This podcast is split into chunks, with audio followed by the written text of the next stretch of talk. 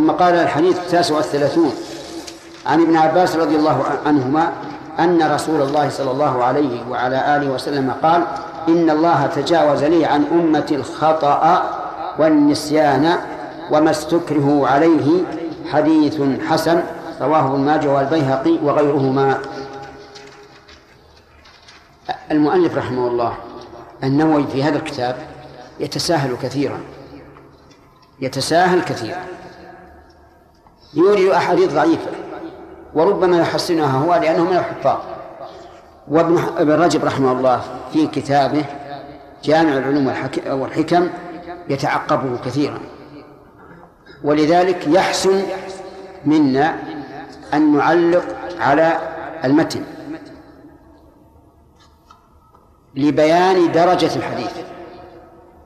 لبيان درجة الحديث. لكن الغالب أن ما, أن ما يذكره من الأحاديث الضعيفة في هذا الكتاب الغالب أن له شواهد. يرتقي بها إلى درجة الحسن هنا يقول مالك رحمه الله وغيرهما. ابن ماجه والبيهقي وغيرهم. لو أخذنا على هذا العموم لكان رواه البخاري ومسلم وأبو داود والنسائي. لدخول هؤلاء في قوله غيرهما. لكن نعم. لكن هذا ليس بوارد. لماذا؟ لأنه من عادتهم إذا ذكروا المخرجين الذين دون درجة الصحيحين ثم قالوا وغيرهما فالمراد ممن هو دونهم أو مثل أو مثلهما. لا يريدون أن أن أن أن يدخل من هو أعلى منهم. لأنه لو أرادوا من هو أعلى منهما نعم. لعيب عليهم. لعيب عليه على من ذكر الدون وأحال على الأعلى. وهذا واضح لأن الواجب أن يذكر الأعلى ثم يقال وغيره. انتبهوا لهذه النقطة. إذا قال وغيرهما فهل يشمل جميع المحدثين جميع المحدثين المخرجين؟ لا. يشمل من كان في درجة هؤلاء؟ أو دونه. في هذا الحديث يقول النبي صلى الله عليه وعلى آله وسلم إن الله تجاوز لي عن أمتي. اللام هنا للتعليم أي تجاوز من أجل عن أمتي الخطأ. والنسيان. والثالث ما استكره عليه. الخطأ أن يرتكب الإنسان الخطأ عن غير عمد عن غير عمد هذا الخطأ. النسيان ذهول القلب عن شيء علمه أولا ثم نسيه. الاستكراه أن يكرهه شخص على عمل محرم ولا يستطيع دفعه. يعني الإلزام والإجبار. هذا الإكراه. هذه الثلاثة أعذار. شهد لها القرآن الكريم. أما الخطأ والنسيان فقد قال الله عز وجل ربنا لا تؤاخذنا كمل إن نسينا أو أخطأنا وقال الله عز وجل وليس عليكم جناح فيما أخطأتم به ولكن ما تعمدت قلوب وأما الإكراه فقال الله عز وجل من كفر بالله من بعد إيمانه إلا من أكره وقلبه مطمئن بالإيمان ولكن من شرح بالكفر صدرا فعليهم غضب من الله ولهم عذاب عظيم. ذلك بأنهم استحبوا الدنيا على الآخرة فرفع الله سبحانه وتعالى حكم الكفر عن المكره فما دون الكفر من المعاصي من باب أولى لا شك. إذن هذا الحديث مهما قيل في ضعفه فإنه يشهد له القرآن الكريم كلام رب العالمين. فلنرجع إلى الفوائد. في هذا الحديث سعة رحمة الله عز وجل ولطفه بعباده حيث رفع عنهم الإثم إذا صدر منهم الم... صدرت منهم المعصية على هذه الوجوه الثلاثة. ولو شاء الله لعاقب من خالف أمره على كل حال. ومن فائدة هذا الحديث أن جميع المحظورات أعني المحرمات في العبادات وغير العبادات إذا فعلها الإنسان جاهلا أو ناسيا أو مكرها فلا شيء عليه فيما يتعلق بحق الله. انتبه لا شيء عليه فيما يتعلق بحق الله.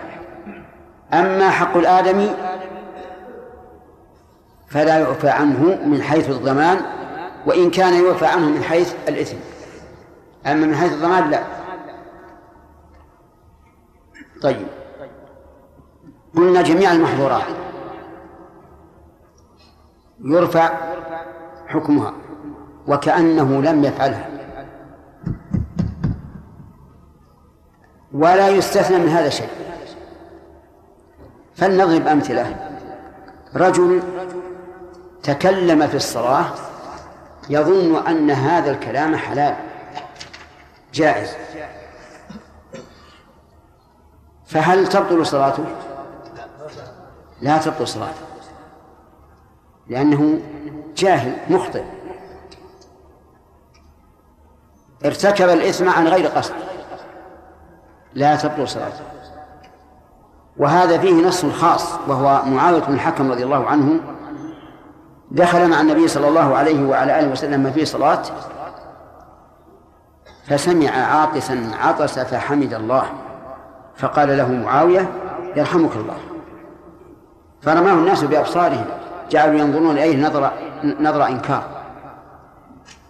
فقال واثكل أمياه زاد.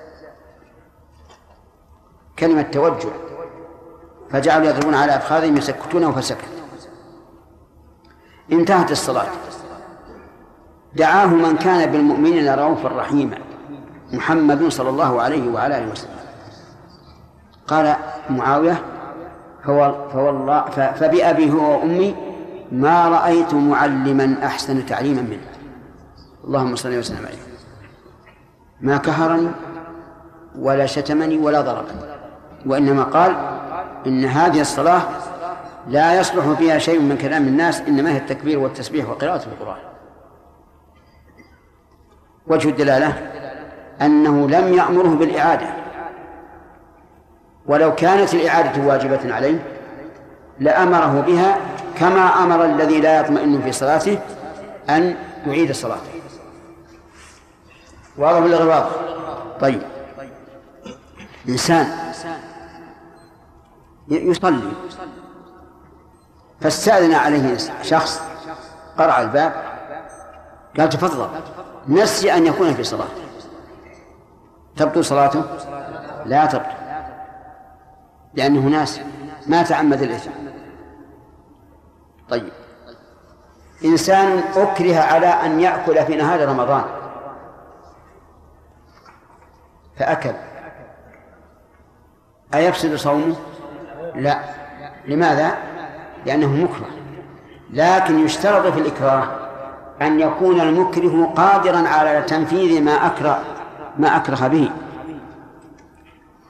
أما إذا كان غير قادر مثل أن يقول للشخص يا فلان كل هذا التمر وإن, وإن لم تأكل ضربتك أو قيدتك وهو أضعف من الصائم. الصائم يستطيع أن يأخذه بيده بيد واحدة ويقذفه هل هذا إكراه؟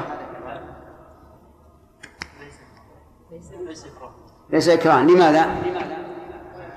لأنه قادر على التخلص. قادر على التخلص. فلا يكون مكرها.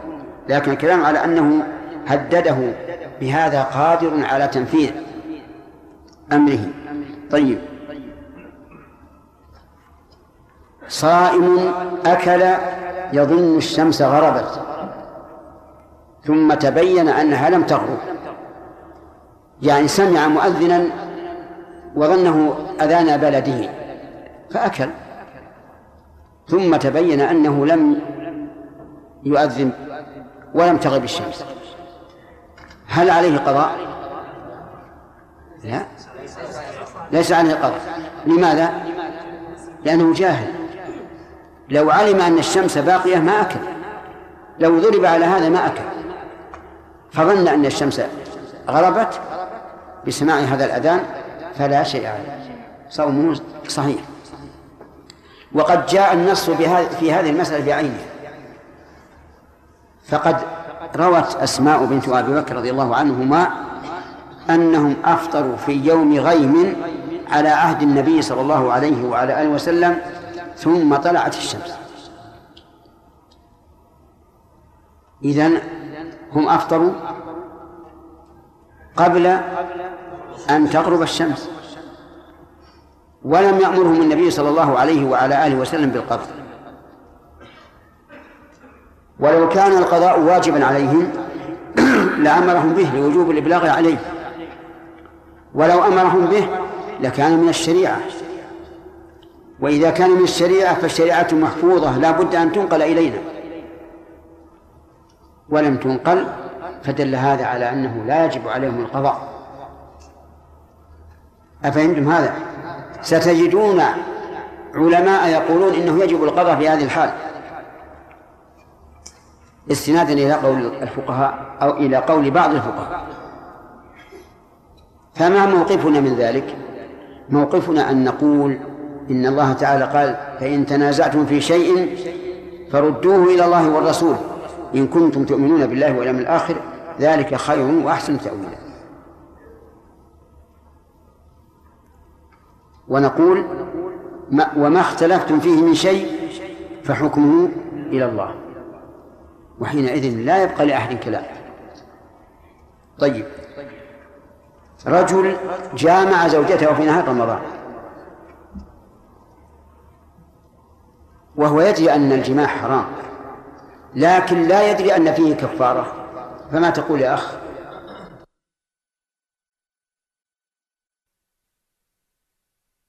ها؟ ما تقول ها؟ وش وش اللي تكون عليه الكفارة؟ وين إحنا والكفارة؟ وش جامع إيش؟ لو في رمضان زين أه زين الحمد لله أنا أريد أن أعرف هل أنت معنا أو لا طيب. يقول أنا لا أدري أن عليه كفارة لكن أعرف أن الجماع حرام. فهل تلزمه الكفارة أو لا؟ نعم تلزمه لأن الرجل هذا غير معذور. انتهك حرمة رمضان وهو يعلم أن ذلك حرام فتلزمه الكفارة. ولهذا ألزم النبي صلى الله عليه وعلى آله وسلم المجامع في نهار رمضان ألزمه بالكفارة مع أنه لا لا يدري. المجامع في نهار رمضان جاء رجل إلى الرسول عليه الصلاة والسلام وقال يا رسول الله هلكت. قال ما الذي أهلك قال أتيت أهلي في رمضان وأنا صائم. قال أعتق رقبة أعتق رقبة. قال ما أقدر. صوم شهرين متتابعين. قال ما أستطيع. أطعم ستين مسكين. قال ما عندي كل خصال الكفارة لا يستطيع فجلس الرجل فأتي به بمكتل فيه تمر يعني زنبيل تعرفون الزنبيل؟ تعرفونه؟ ها؟ تعرفوا أحياء؟ الزنبيل تعرفوا؟ الأواني. ها؟ لا. هنا آني من الأواني لكن من خصف. من خصف النخل. طيب أتي بهذا فقال النبي صلى الله عليه وسلم للرجل خذ هذا تصدق به. فقال يا رسول الله أعلى أفقر مني؟ والله ما بين لابتيها أهل بيت أفقر مني. فضحك النبي صلى الله عليه وسلم حتى بدت أنيابه ثم قال أطعمه أهلك. الشاهد من هذا الحديث أنه أوجب عليه الكفارة مع أنه كان لا يدري أن فيه كفارة. طيب رجل زنى يحسب أن الزنا حلال. لأنه عاش في في غير بلاد الإسلام وهو حديث عهد بإسلام. فهل عليه الحد؟ لا حد عليه لأن الرجل جاهل. الرجل أسلم حديثا. ولم يدري أن الزنا حرام فقوله مقبول. لكن لو قال واحد لو قال واحد من الناس عاش في بين المسلمين إنه لا يدري أن الزنا حرام يقبل أو لا يقبل؟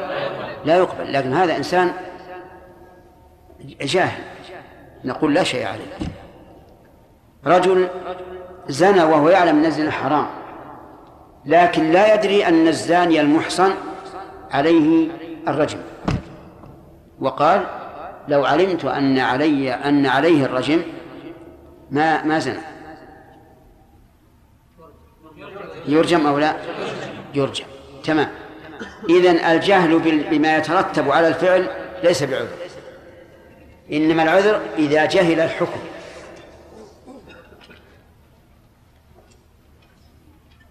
ذكرنا لكم أول هذا في حق الله. في حق المخلوق لا يسقط الضمان. وإن سقط الإثم لكن الضمان لا يسقط. مثال ذلك رجل اجتر شاة ظنها شاته فذكاها وأكلها فتبين أنها لغيره. فهل يضمنها أو لا؟ يضمنها. ما الذي يسقط عنه الآن؟ الإثم. لو أخذ مال غيره متعمدا أثم بلا شك. لكن هنا يسقط الإثم. أما الضمان فلا يسقط لأنه حق آدمي وحقوق الآدمي مبنية على المشاحة. طيب. رجل أكره على قتل إنسان. وقال له المكره إما أن تقتل فلانا أو أقتلك. وهو يقدر أن يقتله فقتله. هل يقتل القاتل المكره أو لا؟ نعم يقتل. لأن حق الآدمي ما يعذر فيه بالإكراه. طيب إذا قال يا أيها الناس. أنا أعلم من هذا إذا لم أقتل الرجل قتلني. فنقول هل لك الحق أن تبقي نفسك بإهلاك غيرك؟ ما لك حق. ولذلك إذا ارتفع قتل هذا المكره عنك فإننا لا نرفع عنك القتل بمقتضى الشريعة الإسلامية. طيب. إذا جاء إنسان قوي شديد.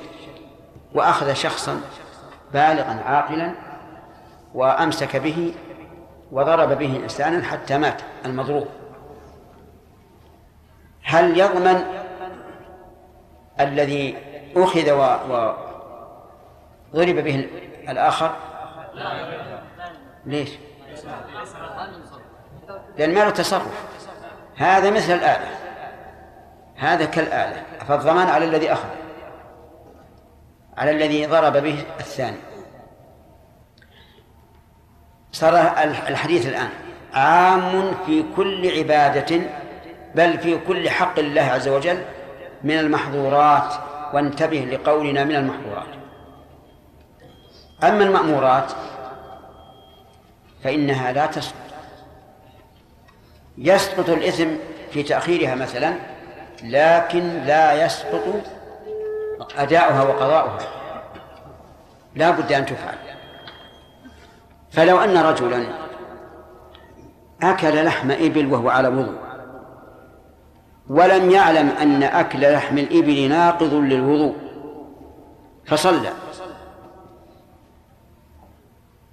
فهل يلزمه أن يعيد الوضوء والصلاة أو لا؟ نعم يلزمه. وذلك لأن الواجب يمكن تداركه مع الجهل وأما المحرم لا يمكن تداركه المحرم انتهى وراح فعله وانتهى منه. فعل هذا نقول إذا ترك واجبا فلا بد من فعله. ويدل لهذا أن النبي صلى الله عليه وعلى آله وسلم قال من نام عن صلاة أو نسيها فليصلها إذا ذكرها.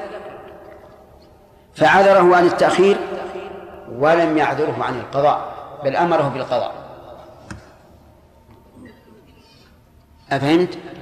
هذا بالنسبة للنسيان. بالنسبة للجهل الرجل الذي جاء وصلى ولم يطمئن في صلاته. قال له النبي صلى الله عليه وسلم ارجع فصل فإنك لم تصلي. فرجع وصلى صلاة لا يطمئن فيها. ثم جاء فسلم على النبي صلى الله عليه وعلى آله وسلم فقال ارجع فصلي فإنك لم تصلي. ثلاث مرات حتى قال قال المصلي والذي بعثك بالحق لا أحسن غير هذا فعلمني فعلمه. هنا لم يعذره بالجهل. ليش؟ عجيب جماعة. لأن هذا واجب.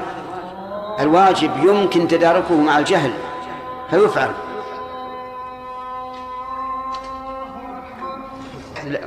متواصل بعضهم مع بعض.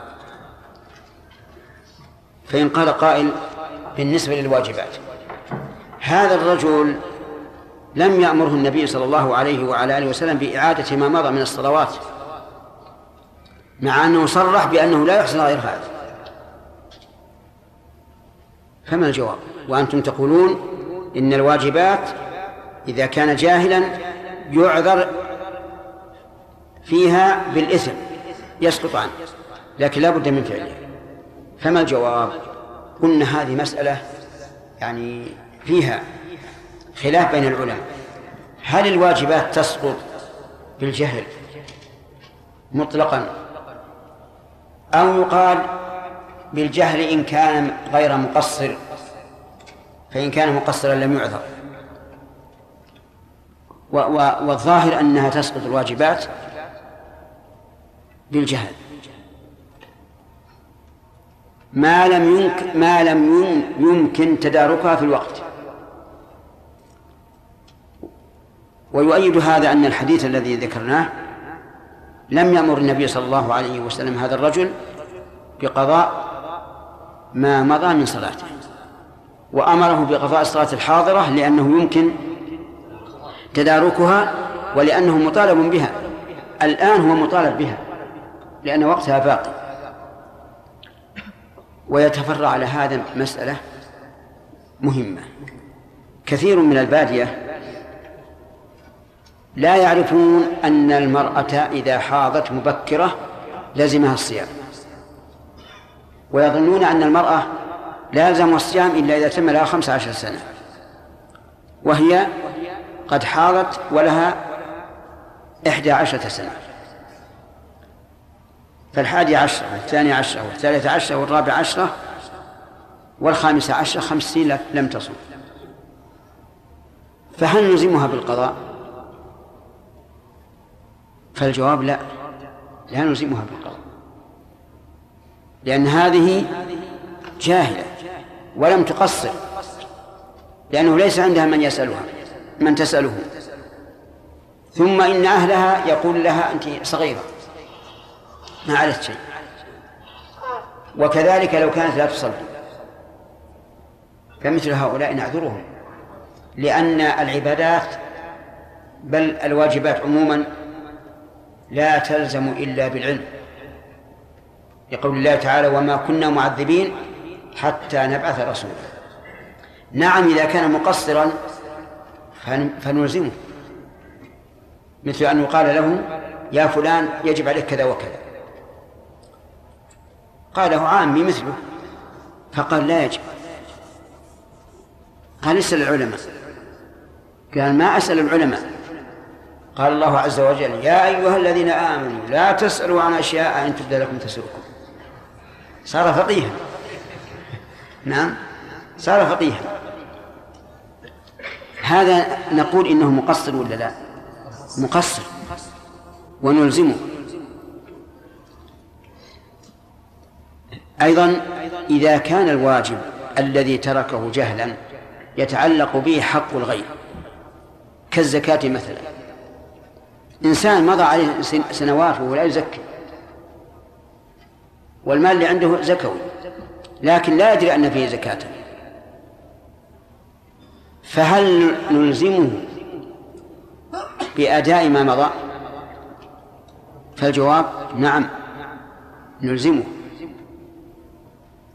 لأن وقت الزكاة لأن الزكاة ليس لها وقت محدد. تفوت بفواته لو أخرها عمدا إلى خمس سنوات لزمه أن أن يزكي. طيب.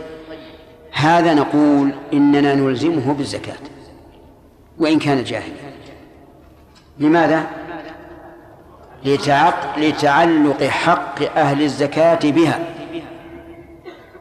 وهو حق آدمي. لكن لا نؤثمه لأنه كان إيش؟ كان جاهلا. فالمهم من هذا الحديث مؤيد بالقرآن الكريم كما سمعتم وينبغي للإنسان أن ينظر إلى الحوادث التي تقع نسيانا أو جهلا أو إكراها أن ينظر إليها نظرة حازم ونظرة راحم. نظرة حازم بأن يلزم الإنسان إذا علم أن أن أن فيه تقصيرا. وراحم إذا علم أنه إيش؟ لم يقصر. لكنه جاهل ما أدري عن شيء. فنقول إن إنه يجب أن ننظر بهذا النظام. وكان شيخنا رحمه الله عبد الرحمن بن سعدي يقول في المسائل الخلافية إذا كان الإنسان قد فعل وانتهى فلا تعامله بالأشد. انظر للأخف وعامله به. لأنه انتهى. ولكن إنهه أن أن يفعل ذلك مرة أخرى إذا كنت ترى أنه لا يفعل.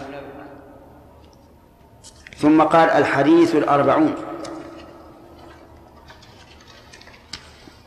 أخذنا أظن فوائد هذا؟ أخذنا فوائد ها؟ كيف؟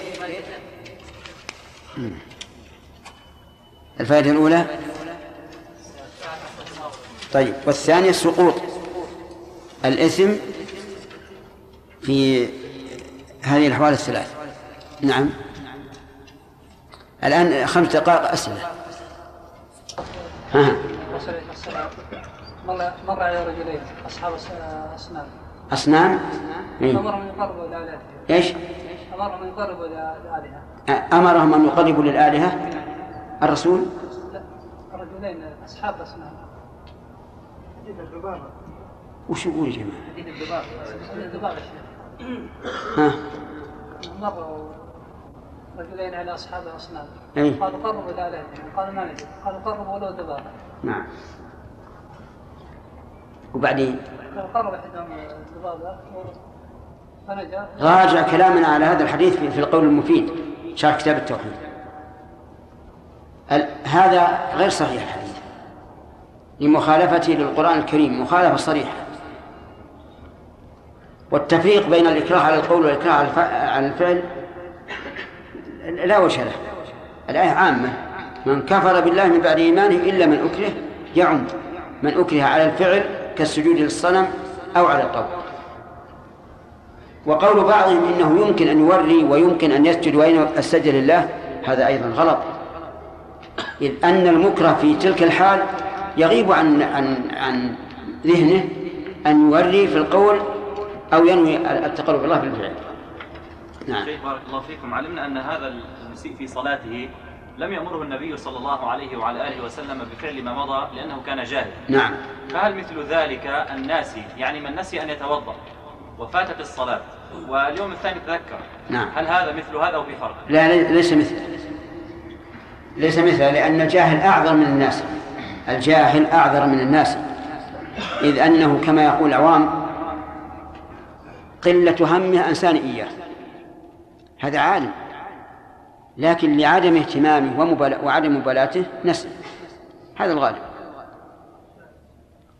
نعم بارك الله فيك يا شيخنا قال النووي رحمه الله رحمه يا أخي وفقنا الله وإياك إلى عظيم لطف الله. نعم. فذكر اللطف الله يعني يعني صفة اللطف لله. نعم. بعد- في هذا الحديث ساق الحديث فيه الحديث بعده يعني فيه ذكر محبة الله. هل يمكن يق- يعني يقول واحد أن أقوال مثل هذا يدل ان النووي لم يكن يعني على المذهب الاشعريه تماما من حيث الأسماء والصفات؟ منهم يدعون هذا. أي وعلى كل حال يظهر لي أنه الصفات الذاتية ما ينكرها واللطف من الصفات الذاتية لم يزل ولا يزال لطيفا. فالظاهر أنه ما ما ما يعني ما ينكره لكن مهما كان يا يحيى الرجل له قدم صدق في الإسلام. ومسا ومحاسنه أضعاف أضعاف م- مساويه والمساوي التي تكون منه أجزم أنها صدرت عن اجتهاد وإرادة للحق لكن لم يوفق له.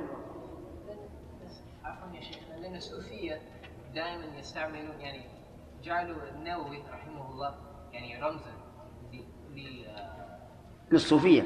للصوفية وللاشعريه ولكل هذا المذهب العصر المذاهب وكذا. مم. فهم جعلوه يعني إيه هم يتمسكون أصلا صاحب الباطل خلى على فكرة. يتشبث بأدنى شيء حتى بالقش اللي على سطح الماء.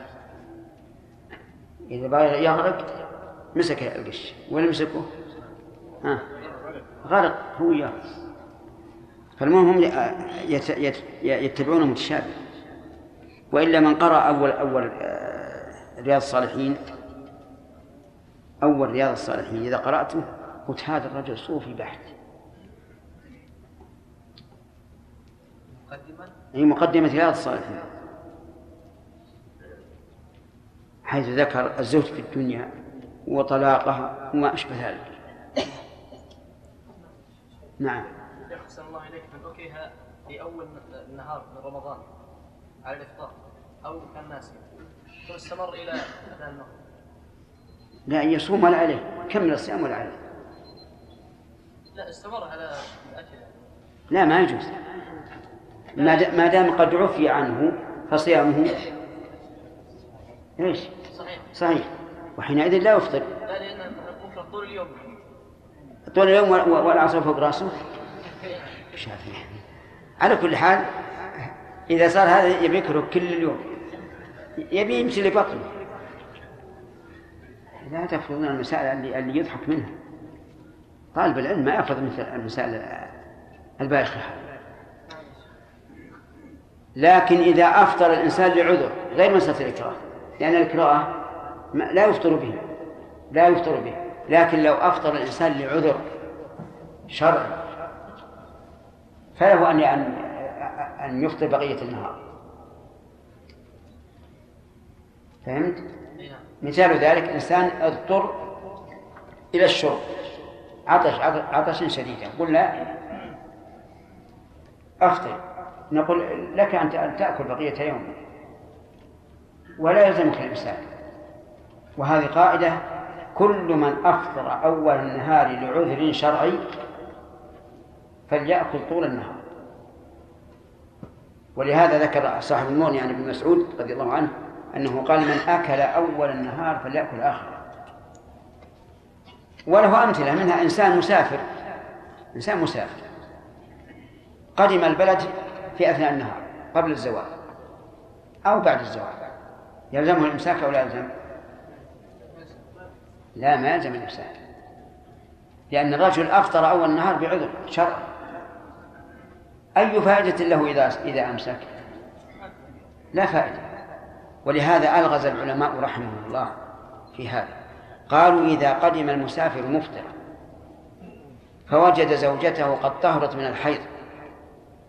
في أثناء النهار فله أن يجامعها